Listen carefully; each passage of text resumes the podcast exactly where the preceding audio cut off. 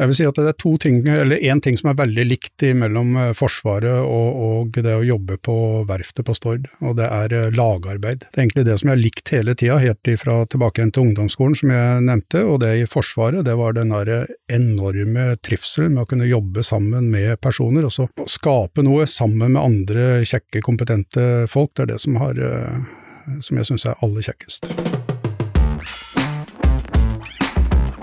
I dag lytter du til eh, Sunnhordlandpodden spesial. Denne episoden er laga for Ateno og er til alle som er opptatt av å framsnakke næringslivet i Sunnhordland.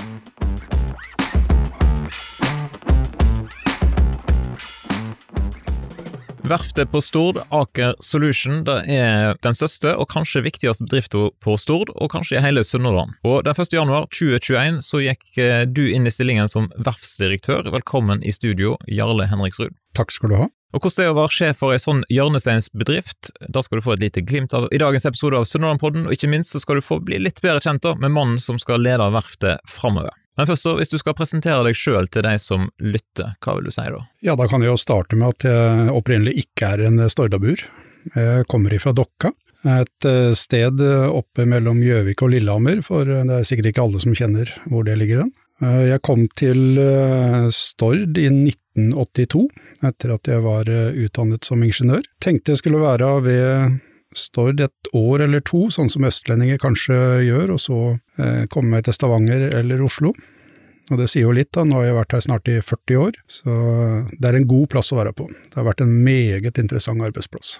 Jeg måtte faktisk inn på Google Maps og lete meg fram til hvor hen er dere. Ja. Jeg skal ikke skryte på meg en veldig god sånn geografikarakter. Men hvis du skal fortelle oss litt fra oppveksten, har du noen gode barndomsminner? Ja, det å vokse opp på Dokka, som er egentlig en, et lite sted, jeg kan gjerne sammenligne, sammenligne litt med Stord, så er det en trygg og god plass også å vokse opp på. Uh, oppveksten min er vel egentlig prega som de fleste ungdommer, uh, utenom at jeg hadde et veldig, veldig sterkt behov for å være ute i naturen. Uh, nesten hver helg så benytta jeg til å, å, rusle innover og så fiske, for det er veldig gode innenlandsfiskemuligheter på, på Dokka. Driver du med fiske fortsatt? Ja, men eh, nå, det er nesten flaut å si det, at nå har en bodd her snart i 40 år, at jeg ikke har båt. Det er litt sånn pinlig, men jeg har jo heldigvis uh, hatt noen gode venner og kollegaer som har tatt meg med ut. Men fremdeles så går jeg langs land og, og, fisker her rett og slett for rekreasjon, ikke for matauk, men rett og slett rekreasjon. Du har jo hatt ulike lederposisjoner opp gjennom tida her. Var det noe som kom inn i livet ditt tidlig, enten i skole eller idretts, altså den lederoppgaven? Ja, godt spørsmål. Eh, vel, den første lederrollen jeg hadde, det var uh, gjennom ungdomsskoleperioden. Da var jeg leder for, da het det jo Oppland fylke, nå heter det jo Innlandet, men da var jeg leder for Norges Godtemplar Ungdomsforbunds i Oppland, på, på Dokka. Hva er det for noe? Det var en avholdsforening som uh, vi hadde da, og vi brukte mye tid på å lage ja, seminarer, samlinger med ungdom, for oss å, mm, ja, som ordet sier, prøve oss å holde de borte fra alkoholen. Og så kom du inn i Hans Majestets Kongens Garde etter hvert, som offiser. Ja, det er korrekt. Hvorfor valgte du da? Ja, jeg valgte, og det har også litt med det samme som jeg kom hit til uh, Stord, så var det litt uh, tilfeldigheter. Jeg havnet på Trandum eh, i Forsvaret, i infanteriet, og fikk da melding om etter en treukers periode at vi skulle til Nord-Norge og være der i ett år. Eh, kanskje jeg tenkte feil nå i ettertid, men i hvert fall så eh, hadde jeg egentlig lyst til å være på Østlandet. Så da søkte jeg meg til befalsskolen på Heistadmoen, og tok befalsutdanning, lederutdanning der og kunne da velge hvor jeg ville eh, være hen i Forsvaret, og da valgte jeg Kongens Garde. Ble du veldig god på å pusse sko? Svaret er ja, og veldig god til å presse bukser. Og, ja, ja, det kan jo være nyttig å ha med seg. ja, det, ja da, så det å stryke skjorter og presse bukser og pusse sko, det kan jeg. Har du en eh, morsom historie fra Slottet, er det noe du kan dele? Uh, ja, jeg kan uh, dele en som jeg selv syns er litt sånn pinlig sjøl, men uh, når det var ny Hans Majestet Kongens Garde, så var det alltid sånn at du skulle prøve å lure vedkommende som var da vaktkommandør, for det var jo det du ble der. Enten på Slottet eller Akershus festning, Skaugum eller ute på Bygdøy.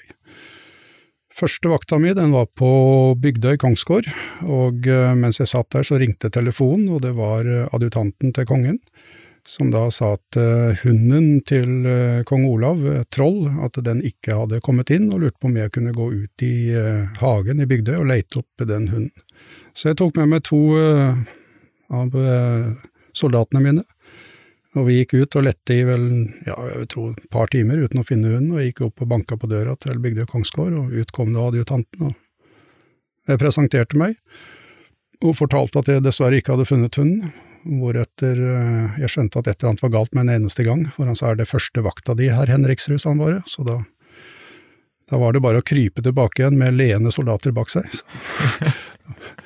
Hvis det var en historie, da. Ja, absolutt, absolutt, det var det jeg sier. Det er ofte sånn at når du treffer folk som har vært i, i det militære, så har alle har jo noen morsomme historier fra ja, krigen, på en måte. Sånn sett. Men er det noe du har tatt med deg av erfaringer som, altså den lederkompetansen da, for Forsvaret, har du tatt med deg da inn i arbeidshverdagen? Jeg vil si at det er to ting, eller én ting som er veldig likt mellom eh, Forsvaret og, og, det å jobbe på verftet på Stord, og det er eh, lagarbeid. Det er egentlig det som jeg har likt hele tida, helt fra tilbake igjen til ungdomsskolen, som jeg nevnte, og det i Forsvaret, det var den derre enorme trivselen med å kunne jobbe sammen med personer, og så skape noe sammen med andre kjekke, kompetente folk. Det er det som, har, eh, som jeg syns er aller kjekkest.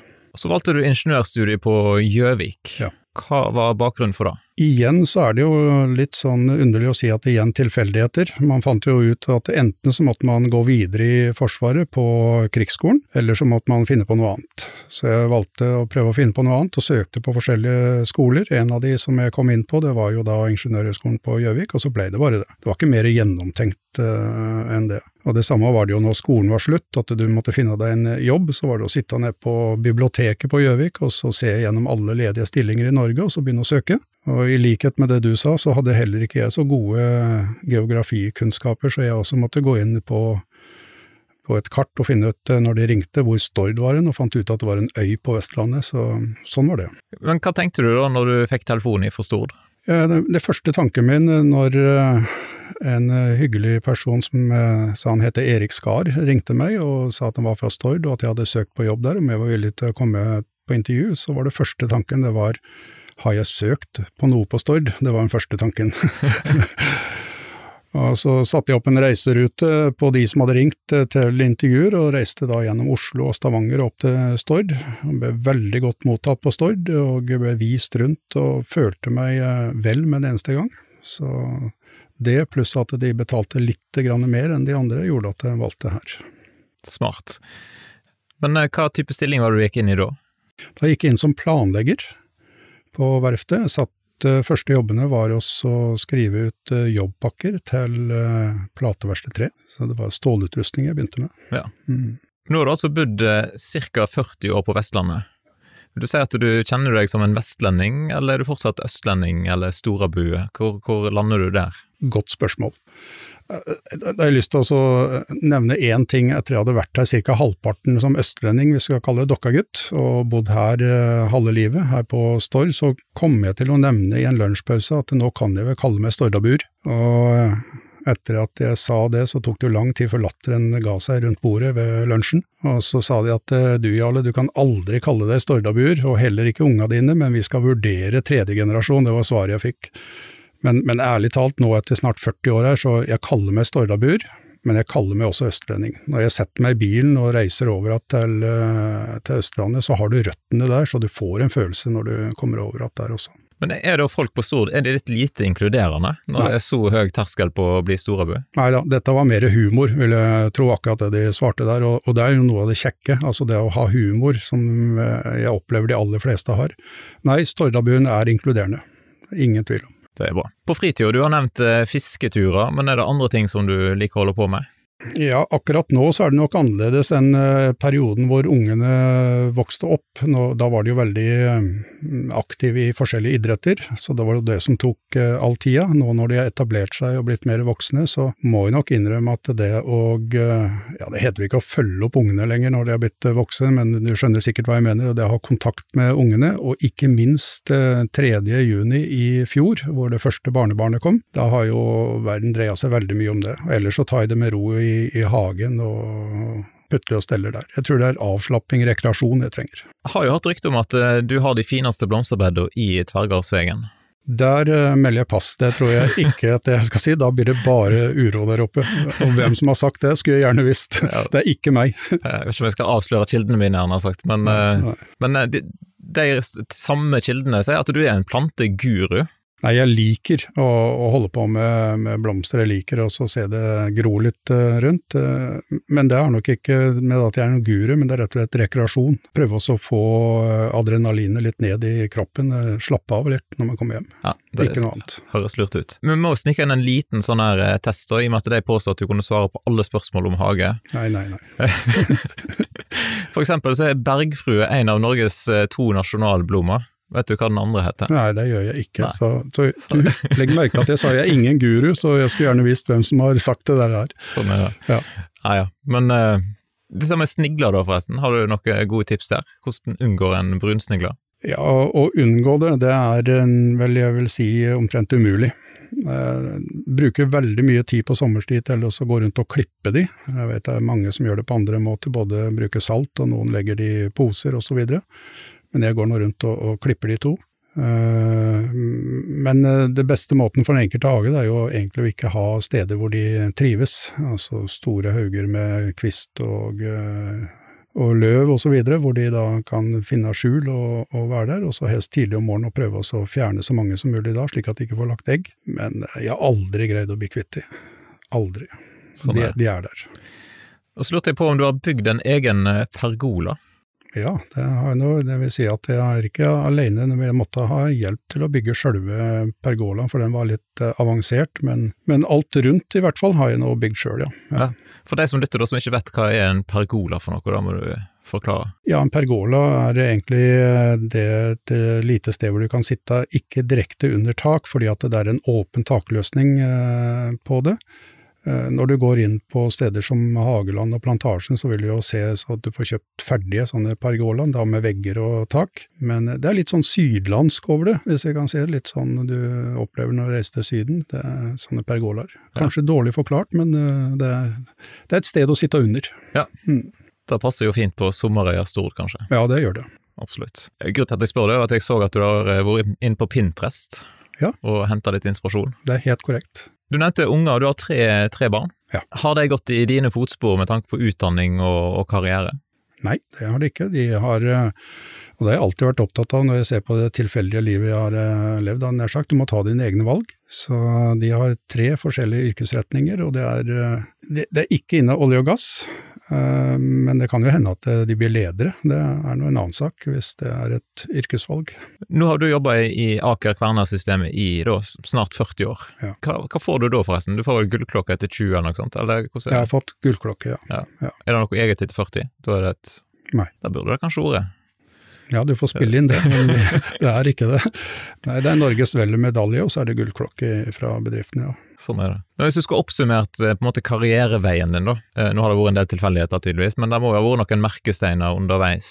Ja, det var et veldig godt spørsmål, det igjen. Eh, merkesteiner det, det har jeg tror jeg har hatt uh, gleden av å kunne jobbe både i basis og prosjekt. Innen prosjekt så har jeg vært inne på veldig mange av de forskjellige utfordringene, stillingene du kan ha i prosjekt, og det tilsvarende i basis. Akkurat i dag føler jeg at det er jo en, en styrke, for det er jo tross alt prosjektene vi lever av. Men det er jo noen uh, prosjekter da, som har satt litt uh, merke. Jeg husker det første landanlegget som, var, som jeg var på, Kårstø. Det var en helt ny opplevelse. Og da fortsette oppe på Ormen Lange, som jo var et gigantprosjekt, og da også bo borte. Det var også en, en fin opplevelse. Eh, Gjøa var det første prosjektet som jeg var prosjektleder på. Det var, gir også litt sånn merker. Og eh, deretter så vil jeg trekke fram Edvard Grieg, som var det første prosjektet som var med å vinne, og, og helt til olje kom på dekk på Edvard Grieg. Det tror jeg er bare en sånn en gang i livet-opplevelse. Og, og, ikke minst eh, nå det siste prosjektet før jeg gikk over eh, i den nye stillingen nå, det var Njord, som jo er i ferd med å bli ferdigstilt nå. Det er jo det første prosjektet som har vært i drift i 20 år, og så blir tatt til land, for så å modifiseres for å holde 20 nye år. Det var også en veldig lærerik periode. Ja, Det blir kalt Norges største oppussingsprosjekt. Ja, ingen tvil om. Men når du da er ferdig med sånne store prosjekt, hva føler du da? Uh, dette blir sikkert misoppfatta når jeg sier det, men du får litt sånn sorgfølelse når det går. Uh, det å si at du er en mann og begynner å ha følelse over en sånn stålklump, det høres kanskje rart ut, men du, du, du, får litt, grann, og det er ikke bare pga. selve prosjektet, men det er de du har jobba sammen med. At du da skal starte på et forhåpentligvis nytt prosjekt, og, og, og med, med nye kollegaer. Men når du jobber tett sammen med noen i tre, fire, fem år, eh, så gjør det noe med at du, ja, du har følelser overfor de folkene du jobber sammen med. Ja, jeg, jeg, tror jo folk kan, kan, forstå det, at det er en viss sånn vemodighet med det. Men det må jo være litt eh, fint òg, da? Veldig kjekt. Iallfall når ting har gått bra? Ja, det er helt korrekt. Så har du altså gått inn i rolle som verftsdirektør. Hva tenkte du når du fikk da spørsmålet om å gå inn i den stillingen? Ja, du blir jo i, i, tvil, fordi at akkurat når du fikk det spørsmålet, så er jo det nesten å si at du skal eh, på en måte hoppe etter Wirkola, altså Steinar Øgenes, som jo er en bauta eh, der nede. Men eh, jeg så også at da skulle vi inn i Aker Solutions, altså nå var vi ikke lenger Kverner, og da blir også rollene litt annerledes enn det de har vært tidligere. Og når du brenner for arbeidsplassen din, og, eh, som er viktig, som du sa innledningsvis her, for eh, hele lokalsamfunnet, så, så blir du motivert. Men litt skremt. Hvis du skal utdype litt mer om, om eh, motivasjon, da. Altså, hva er det som, som, gir deg motivasjon til arbeidshverdagen? Ja, Det var det jeg egentlig sa tidligere, og det er å jobbe sammen med så mange kompetente folk som egentlig har samme målet. Det er det som gjør at du gleder deg til å gå ned på, på, jobben. Det er en arbeidsplass hvor du har et felles mål. Det er ting som skal være ferdig til en rett tid, til en viss kvalitet, og uh, så jobber vi alle for det. Hvordan ser ei vanlig arbeidsveke ut for en person som har en sånn type stilling som du har nå? Det finnes ikke. Nei. det, er det eneste ærlige svaret. Du kan uh, ofte gjerne ha en del faste møter osv., men hver dag vil alltid bli forskjellig. Hvordan forbereder du deg mentalt da? For nye dager eller for uh, nye uker? Ja, vanskelig å svare på sånne, fordi at jeg tror ikke jeg forbereder så mye mentalt. Det er dette at du, har, du gleder deg til å gå ned på jobb, det er viktig også å få en hvile imellom.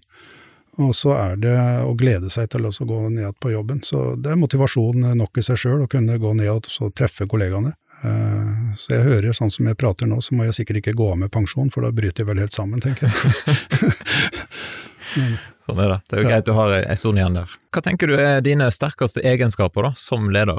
Nei, Nå er vi jo inne på det jeg vanligvis ikke liker å snakke om der enn sjøl, fordi at vi, vi, er et uh, team. Men uh, tilbakemeldinger som uh, jeg får fra andre iallfall, det er at jeg er inkluderende. noe jeg kan være enig i sjøl, er at jeg er ganske rolig, ikke så mye autoritær. og, og ja, jeg tror det egentlig det er der. For at jeg er litt utenfor komfortsonen og så sitte og snakke positivt om meg sjøl, hvis du forstår. Absolutt, absolutt. Men eh, jeg tenker tilbake til tida i Forsvaret. Min erfaring med noen eh, befal er jo at en prøver, å, eller en ønsker jo å være ganske autoritær. Har du, er det noe du har måttet ha kledd av deg etter tida i Forsvaret? Nei, vet du at jeg du var ikke, da, var ikke da heller. Nei. Og når jeg ser tilbake igjen, og den kontakten du fremdeles har med de som du var troppssjef for, og uh, også en del av de som jeg var så heldig med å treffe som hadde gått krigsskolen, en av de var jo Sverre Disen, som jo ble forsvarssjef, de var heller ikke autoritære, de var heller motiverende. Så nei, jeg tror ikke jeg var Jeg var ikke autoritær der heller. Men du er nødt til å være det av og til, det er ingen tvil om. Altså, du, vi har jo som ledere ansvaret for også ta ubehagelige beslutninger osv., men, men i det generelle så er man ikke autoritær. Men du har jo en jobb som krever at du er tilgjengelig, da. 24-7. Rent bortsett fra når du er i podkaststudio, bortimot. Hvor ofte hender det at telefonen ringer midt på natta? Det er ikke så ofte at han eh, ringer midt på natta, det er det ikke. Og Eh, men det hender, selvfølgelig, og da blir du alltid litt sånn eh, skremt, fordi at da tenker du ofte helse, miljø og sikkerhet eh, med en eneste gang, og så kan det være viktige ting på, på, prosjekter. Men du skal være tilgjengelig, det er det ingen som helst tvil om. Men når du sier at jeg skal være tilgjengelig, det er mange på bedriften som er tilgjengelige 24-7. Ingen tvil om. Men Hvordan opplever du da å ha en sånn alltid, alltid beredt det funker fint? Eh, farlig å si det fungerer fint, for det er alltid litt eh, krevende, og sikkert også rent sosialt, uh, når plutselig inne i butikker begynner å ta telefoner og sitter også og kikker på mail osv., men, men det er blitt en livsstil, det har jeg gjort det, på godt og vondt. Ja, Men du sover godt om natta? Eh, va vanligvis, ja. ja. Vanligvis, ja. Går det an å spørre om hva, hva som gjør at du ikke sover godt om natta eventuelt? Er det, da er det store ting på gang? Da er det uro for om man eh, vinner prosjekter eh, eller ikke, eller at man tenker på hvordan er det vi skal nå de neste milepælene på prosjektet. Da er det av og til at man må opp og gruble litt. Ja. For det er ikke tvil om at hvordan det går med verftet, det har veldig masse å si for hvordan det går med samfunnet på Stord. Det har jo store ringvirkninger for, for lokalsamfunnet her, og så òg for hele Sunnhordland. Kan, kan, du si at du kjenner på et press? Kjenner på et ansvar, ja. Og med det også et uh, press. Men eh, det tror jeg igjen vil understreke at det er nok ikke bare i uh, direktørrollen, som du sier her. Det er alle de som sitter og jobber med tilbud, og de som jobber ute, tillitsvalgte ansatte, de tror jeg nok ofte kjenner på det samme presset og ansvaret. Hvor mange folk er det nå som du har ansvar for, da? Ja, På verftet nå så er vi jo rundt 1200 ansatte. Og eh, det er jo de jeg har direkte ansvaret for. Og så kommer det innlegg i tillegg? Det kommer innlegg i eh, tillegg, eh, som jo også har vært en veldig spesiell tid nå i forbindelse med covid-19, pandemien, som vi er og har vært midt oppi i, i lang tid. Men vi har også ansvaret for de på lik linje med våre egne ansatte. Ja. Men når det gjelder arbeidsplasser, så følger det spesielt for de egne ansatte. ja fast ansatte. Apropos eh, eh, covid-19 og sånn, eh, du skrev jo en sak i, i Sunnmøren om hvorfor dere tar inn arbeidskraft. Opplever du at det er forståelse for det behovet, eller er det på en måte litt uglesett? Nei, jeg opplever generelt at det er en veldig god forståelse for det. For jeg håper at vi får fram at vi søker i Norge for oss å finne den type fagkompetanse som vi har behov for. Og når vi ikke lenger finner fagkompetansen i Norge, så må vi gå ut, for vårt ansvar er jo å levere de prosjektene til riktig tid og til riktig kvalitet. Og hvis vi da ikke har fagkompetanse, og som, som generelt i Norge er en stor utfordring, uansett uh, om det er Stord, eller om det er Verdal eller Egersund, eller om det er andre bedrifter som uh, trenger fagutdannet personell, så er det manko på det i Norge, ingen tvil om. Og spesielt på de vi henter inn uh, i, i, denne perioden her, altså isolasjonsfaget, overflate og stillas, er det altfor få av. Hva kan en gjøre på for å snu da i Norge? Ja, Da må vi gjerne ta inn noen politikere her, for de må jo på, på banen for å legge til rette for det. lokalt her på Stord så har vi jo prøvd både med den Stord-modellen for å vise de som tar en fagutdannelse at de kan ha en karrierevei videre, at de kan få støtte til å få utdannelse mens de er på bedriften, mens de er i arbeid, for eventuelt også ta en karriere utover faget sitt også. Det er én ting. I tillegg så har vi jo tette samarbeid med Nav, eh, for også å hjelpe personer som vil, men som nødvendigvis ikke har alle de tingene i CV-en sin som gjør at eh, de kan komme rett inn. Og så legger vi til rette for at de kan ta både praksis og teoretisk utdannelse hos oss, og eh, deretter ha mulighet for en fast ansettelse. Så, så vi prøver å være aktive, eller ikke bare prøver, vi er aktive på det området for oss å tilrettelegge for at vi skal få flere fagarbeidere i Norge. En annen ting som er viktig, og som, eh, som, alle snakker om, det er jo dette grønne skiftet. Hvordan jobber dere i Aker Solution på Stord for å klare å omstille dere raskt nok? Hvordan forholder dere til de kravene som myndighetene kommer med? Ja, da, da, vil jeg først uh, si at uh, selskapet Aker Solutions nå totalt sett, de har jo satt seg veldig uh, høye mål, klare ambisjoner. En tredjedel av omsetningen vår eh, skal være på fornybar og lavkarbon i 2025, og to tredjedeler av omsetningen til selskapet skal være lavkarbon fornybar i 2030. Så vi er jo en del av selskapet, og dette er den felles eh, ambisjonen som selskapet har. Gå tilbake igjen da til Stord, eh, her hva vi gjør, som du spurte etter. Så er det viktigste for oss nå, det er jo også å vinne kontrakter innen det fornybare. Vi for øyeblikket, så, som sikkert kjenner til, så er vi jo inne i byggingen av Hywind Tampen, som jo er verdens første og største flytende vindkraftanlegg for forsyning av eh, kraft til olje- og gassinstallasjon. Og vi, har, vi er også med på, og vi skal bygge på eh, karbonlagringsprosjektet i Øygarden, det som heter Northern Light, som også vil redusere utslippene i Norge ganske betydelig, med halvannen millioner tonn i året. Og så har vi vunnet den senere tida prosjekter på det som heter omformermoduler. Eh, vindkraft ute i Nordsjøen, for å bringe det til land, så må du gjøre det om fra vekselstrøm til likestrøm, for å ikke ha så stort tap når du tar kraften i land. Og så er vi eh, også i neste år så starter vi byggingen av eh, moduler til elektrifisering av Troll-felt, Troll Vest, altså Troll B og Troll C. Så det er de prosjektene vi holder på med, som vi allerede er inne i. Men eh, ja, så vil jeg også nevne Aker Solutions sitt demoleringsanlegg ute på Eløyane.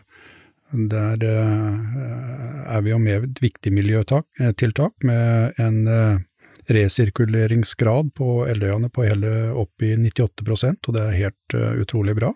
Uh, så det er jo selve prosjektene. Men det som er viktig nå for oss uh, framover på Stord, det er at uh, vi greier den omstillingen mot fornybarprosjekter. Hvis du nå ser på de typer prosjekter som vi er vant med, altså olje og gass, så er det veldig ressurskrevende prosjekter. Det er prosjekter hvor du har mange disipliner, altså multidisiplint. Når vi går over til eh, og ser på fornybare prosjekter, så har ikke de det samme ressurskravet i seg som olje og gass eh, har, og det er heller ikke så multidisiplint som det vi er vant med på olje og gass. Så verftet har en stor omstillingsprosess for oss å kunne forberede oss eh, på den delen der. Og det gjelder både kompetanse som det er behov for, og så er det gjennomføringsmodellen, hvordan er det vi bygger de fornybare prosjektene. For det er ingen tvil om at på fornybarprosjekter også så er det mye større internasjonal konkurranse, og det er også en internasjonal konkurranse hvor det ofte er krav til et lokalt innhold. Så når vi ser på det, så har vi behov for, og da må vi kikke litt mot myndighetene også, en forutsigbarhet for verftet til å kunne eh, ta den omstillingsprosessen. Vi har behov for betydelig flere prosjekter gående i parallell for å kunne opprettholde bemanningen. Og vi er jo selvfølgelig da spente på den energimeldingen som skal uh, komme ut i disse dager. Det er vel ikke så lenge før den kommer. Jeg har hørt rykter om 11. juni, men han har jo blitt utsatt før. Det skal jo ikke stå på utfordringer, da. Det er ganske masse, mange brikker her som skal være på rett plass til rett tid. Ja, men en av styrkene til eh, verftet er jo vært omstilling. Eh, hvis vi går helt tilbake til 1919 fra sildeolje og omstillingen på 50-tallet til skipsbygging, og så omstilling til eh, olje- og gassektoren, og nå, nå ligger det en ny viktig omstilling foran oss, og det er til som sagt fornybar. Så det er den evnen til omstilling da, som blir den største styrken som gjør at en skal vinne nye prosjekt? Ja, ikke bare evnen til omstilling, det er veldig viktig. Men uh, vi har jo den kompetansen på verftet og i Aker Solutions allerede som trengs for uh, Norge for oss å drive med uh, ny grønn energi. Og vi har en stabil arbeidskraft som er en styrke for verftet. vi har vist at vi er i stand til å levere. Vi har en, altså en leveransedyktighet på å levere på tid og kvalitet som vi er kjent for. Og vi har de fasilitetene som eh, også eh, trengs for oss å kunne være konkurransedyktige på fornybar. Men eh, det er fremdeles et stykke å gå, ja. Vi må teste ut de gjennomføringsmodellene våre. Absolutt. Kan du si noe mer om hva ulike typer av prosjekten vil se mer av her på Stord fremover? framover? Hvis vi ser nå i, hvis det er noe som heter kort perspektiv, og da tenker fram til 25-26, så vil det nok fremdeles være en god del olje- og gassprosjekter og det er helt nødvendig, og da snakker vi her om skattepakken, som eh, vel er det ordet som en ofte er uh, kjent for. Den er uhyre viktig, svært viktig for uh, vår bransje. Det, det, vil nok man se på i lokalsamfunnet vårt her, at det er olje og gass som kommer til å være det dominerende fram til 25-26. Men i den perioden nå, fra 21-22 og fram til da 23-24, så må vi ha gjort den omstillingen, så vi er i stand til også være konkurransedyktige på den, den grønne profilen videre utover i tida. Så jeg må si at det er nok olje og gass som vil være den dominerende, i parallell med, med fornybare prosjekter. Nå er det sånn at Aker Solution har vært en sterk eh, drivkraft i det lokale industrinettverket, som Ateno er et knutepunkt for. Hvorfor er det så viktig med godt samspill på tvers av eh, industribedriftene og leverandørene i regionen vår? Ja, Først så vil jeg jo si at Ateno gjør en svært god jobb som tilrettelegger og pådriver i industrisamarbeidet. Og industrisamarbeidet her lokalt hos oss er jo veldig viktig på mange områder. Eh, det å lære av hverandre, også i denne omstillingstida her. Det går på utdanning, altså knytte knytte skole og næringsliv sammen. Jeg har nevnt Stord-modellen her tidligere, og det er jo et godt eksempel. Selv vår statsminister trekker jo fram Stord-modellen som en suksess.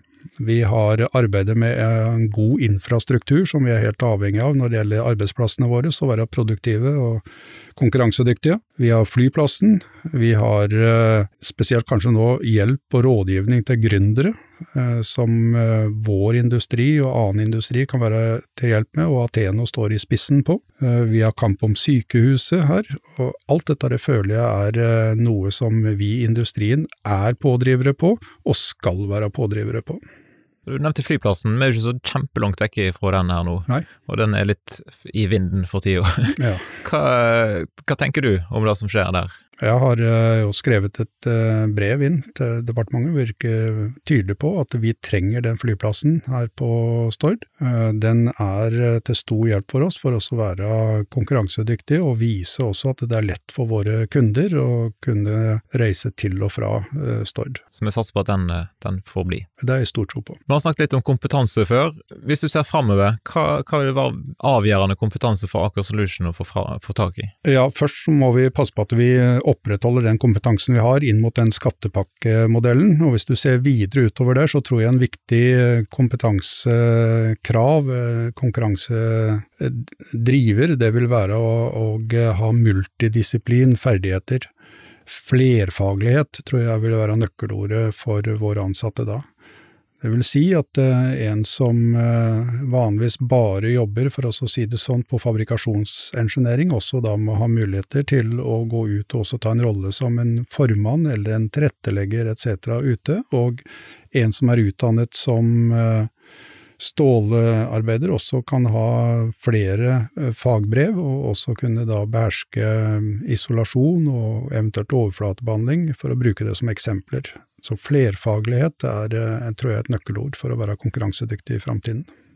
Er det lett å få på plass eh, lærlinger? Det, det, er ikke lett å få på plass eh, lærlinger, men de 30 som vi har målsatt oss å ta inn i, år, så skal vi nok greie å få det. Men jeg har nevnt tidligere at på fagutdanning av, i Norge så, så, utdannes det ikke nok. Vi skulle gjerne hatt enda flere å, å velge blant. Så det er rett og slett for få folk som velger den eh, type utdanning? Ja, det er det. Og det viser også rapporten fra Statistisk sentralbyrå, at det er altfor få i Norge totalt sett på, som tar uh, faglig utdanning. Dersom noen ifra dere, da, eller andre plasser i landet lytter til, til podden og vurderer om de skal flytte til, til Vestlandet og til Sunnhordland, kanskje til Stord for å, å jobbe der, jeg ser jo på, på Facebook-sida til BU i Sunnhordland så står det at det er 116 ledige stillinger i regionen vår. Vil du anbefale dem å ta turen til Vestlandet? Absolutt. Eh, kommer rett fra hjertet. Ingen tvil om. Ja, men så bra. Da tror jeg at jeg sier takk for at du tok turen her i studio, og så ønsker vi lykke til videre i jobben. Takk for det.